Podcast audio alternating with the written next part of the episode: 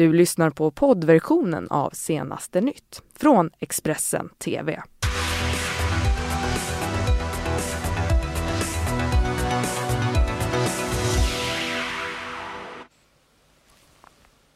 Hej och välkommen till Senaste nytt eh, här i Expressen TV med mig Johanna Gräns. Mm, och med mig Ylva Johansson och det här det är våra toppnyheter just nu.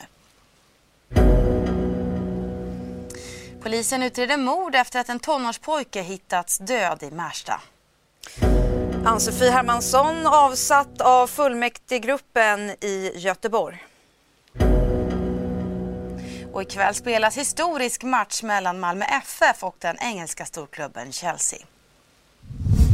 Mm, men eh, vi ska börja med alltså att en eh, pojke, tonårspojke hittades död i Märsta norr om Stockholm. Eh, polisen utreder nu mord och de är också väldigt förtegna om den här händelsen och beskriver omständigheterna som oklara.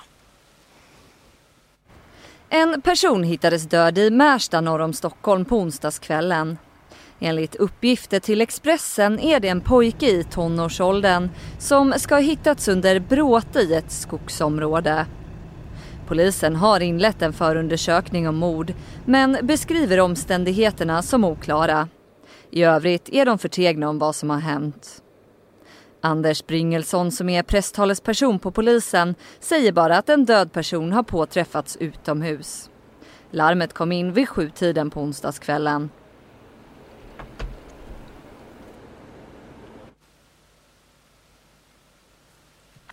Ja, och så ska vi till eh, Göteborg. Det ska vi faktiskt för eh, de öppna stridigheterna inom Socialdemokraterna den senaste tiden eh, har vi kunnat rapportera om här i Expressen TV. Och igår så samlades partiets fullmäktigegrupp och avsatte gruppledaren Ann-Sofie Hermansson. Enligt källor till Expressen så ska hon röstas bort med en överväldigande majoritet. Socialdemokraternas fullmäktigegrupp i Göteborg har avsatt Ann-Sofie Hermansson som gruppledare. Det efter en bitter och offentlig strid. Ja, jag skulle säga så här att det är ganska ovanligt med den här typen av öppna strider på det här sättet i Socialdemokraterna. Socialdemokraterna i Göteborg gjorde ett katastrofval i höstas och förlorade makten. Sedan dess har partiet försökt få till fungerande samarbeten med andra partier utan att lyckas. Eh, så det, men det, det, det, är grunden för det som har hänt, att, att man har förlorat valet och, och, den som då var ansvarig för det ersätts. Så det är kärnan. Sen finns det ju oerhört mycket anklagelser som flyger fram och tillbaka eh, mellan de här husen då. Det är ex-ministern Anna Johansson som varit Ann-Sofie Hermanssons främste motståndare i den så kallade rosornas strid. Hon har anklagat Hermansson för dålig arbetsmiljö och bristande kommunikation. Hermansson i sin tur har hävdat att partiet velat tysta hennes allt starkare engagemang mot hedersvåld och extremism. Ja, den är naturligtvis inte alls bra att vi har två ledande företrädare som har samarbetssvårigheter och det riskerar att skada partiet och därför är det också deras uppgift att eh, sätta sig ner och lösa den knut som finns. Det var under ett möte med fullmäktigegruppen på onsdagskvällen som en överväldigande majoritet enligt GTs källa avsatte Hermansson. Hon är inte formellt sparkad för det beslutet måste distriktskongressen ta men Maria Johansson har valts till ny gruppledare. Ann-Sofie Hermansson själv berättar att hon inte var med på mötet men att hon bestämt sig för att inte ge upp för den extra kongressen den 3 mars. Mm, vi ska fortsätta med politiken lite en stund till. Ja, men det ska vi. För efter att han hoppat av Miljöpartiet så vill nu Carl Schlüter göra politik på ett nytt sätt i och med hans nystartade parti Vändpunkt. Och för Expressen TV så berättar han nu att målsättningen bland annat är en mer kraftfull miljöpolitik. Ja, det är ju vi då som har lanserat eh, ett gäng och vi tror att Sverige kommer att må bättre och världen kommer att må bättre om man kan förena social hållbarhet med ekologisk hållbarhet och förena stad och land på ett bättre sätt där en rättvis andel av resurserna fördelas till den region av Sverige där man tar naturresurser. Alltså, hur kommer det här att skilja sig från eh, liksom det Miljöpartiet till exempel? Alltså för man ska förklara för, för människor, alltså, vad är det ni vill göra mer som inte Miljöpartiet gör till exempel idag, menar du? Ja, vad är det vi vill göra mer än Socialdemokraterna och Liberalerna? Om man tittar på de förslag som vi vill driva så är det just att vi behöver en mycket mer kraftfull klimat och miljöpolitik. Vi når bara knappt två av 16 miljömål efter 20 års arbete. måste vi anpassa ekonomin efter en planet och då behöver vi väldigt kraftiga styrmedel. Men då drabbar ju det folk och därför måste vi också minska klyftorna när vi bekämpar miljöproblem. Och då gör vi det genom att fördela resurserna som staten får in tillbaka till medborgarna. Och då blir det så att de som lever på låga inkomster har ofta lägre miljöbelastning. Och då blir de nettovinnare. Den som flyger mycket och gör av med mycket energi, den får betala mer men har också råd att bidra till minskad energikonsumtion.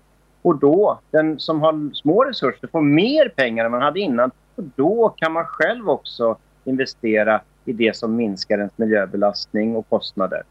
Det gör att alla kan bidra på ett mycket bättre sätt. Och det tror vi är en ny politik som kommer uppskattas av många. Särskilt när vi också inför en glesbygdsbonus. Carl Schlüter, bara en, en, kort sista fråga. Du har jobbat i, och verkat i Miljöpartiet i 25 år drygt. Hur är det att mm. starta ett nytt parti nu? Det är nervöst, men vi tror att eh, det här kommer gå vägen. Om 1500 namn samlas in på två veckor och en halv miljon för att trycka valsedlar på två veckor och många medlemmar och engagerade människor kan gå in i politiken. För det är också så att vi gör politik på ett nytt sätt. Jag tror väldigt många människor är trötta på jag och jag mot du och du och grupp mot grupp. Utan att vi nu satsar på samverkanskraft istället för konkurrenskraft. Och det gäller både i lokalt näringsliv, det gäller inom politiken, att vi kan äntligen få människor att engagera sig för någonting nytt. Där man faktiskt kommer att lyssnas på. För vi kommer ha direkt demokratiska beslut. Det får vara slut på för viktiga saker. Det får vara slut på att man gör upp om regering och ministrar bakom stängda dörrar. Vi kommer att låta medlemmarna rösta om sådana saker. Och det tror jag uppskattas, att alla kan delta. Mm. Vi håller oss kvar en liten stund till i politikens näste.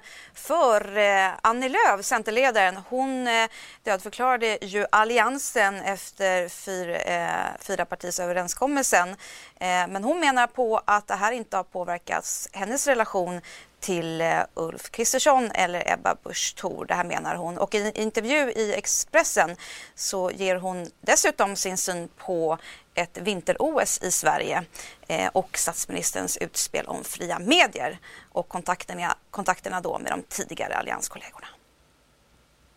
Nej men den är god. Ebba fyllde ju år i veckan och då passade jag på att skicka ett sms och gratulera. Så att man måste kunna skilja på sak och person. Eh, jag hade ju gärna sett en alliansregering på plats. Det är ju därför det tog över fyra månader.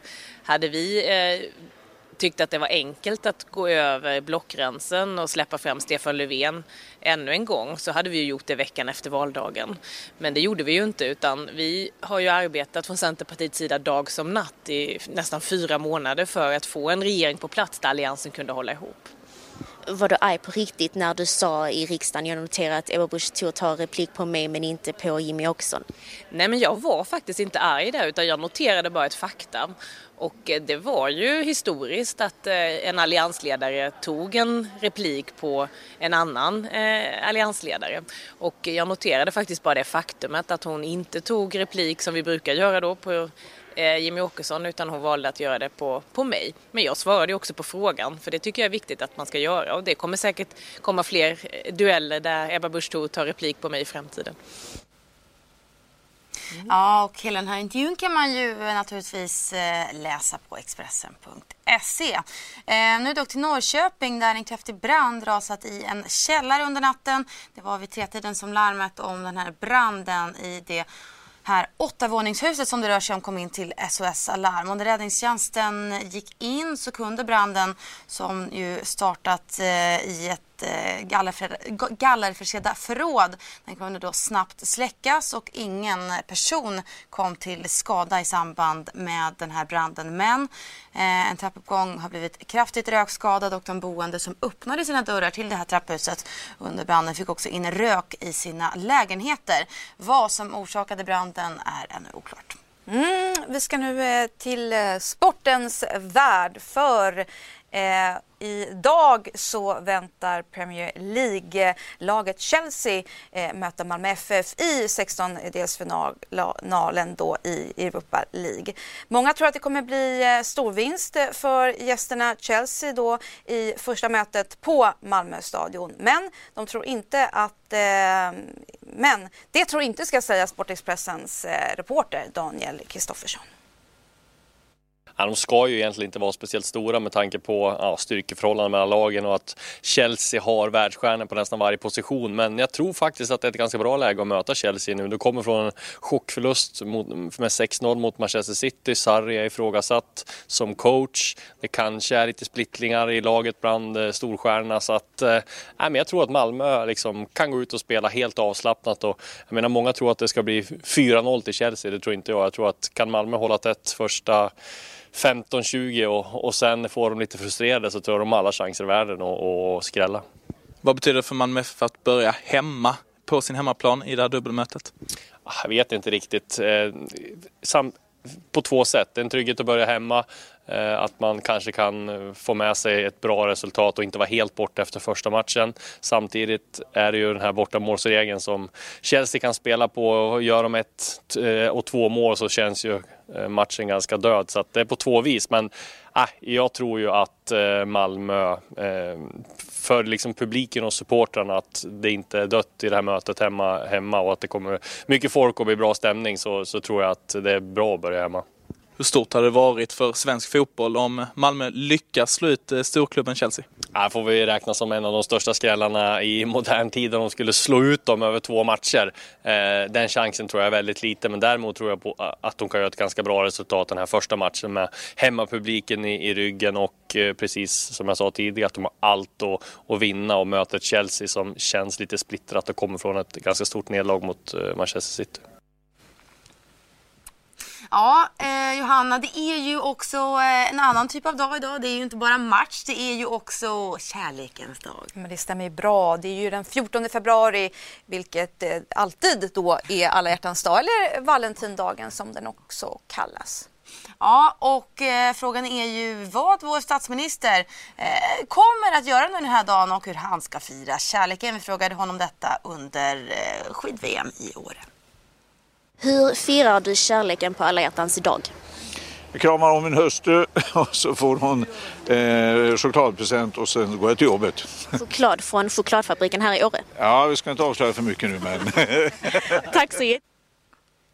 Mm, det här var senaste nytt. Mer nyheter eh, får du på Expressen.se. Du har lyssnat på poddversionen av Senaste nytt från Expressen TV. Ansvarig utgivare är Thomas Mattsson. Ett poddtips från Podplay. I podden Något Kaiko garanterar östgötarna Brutti och jag, Davva, dig en stor dos skratt. Där följer jag pladask för köttätandet igen. Man är lite som en jävla vampyr. Man har fått lite blodsmak och då måste man ha mer. Udda spaningar, fängslande anekdoter och en och annan arg rant. Jag måste ha mitt kaffe på morgonen för annars är jag ingen trevlig människa. Då är du ingen trevlig människa, punkt. Något kajko, hör du på podplay. Därför är gardinerna.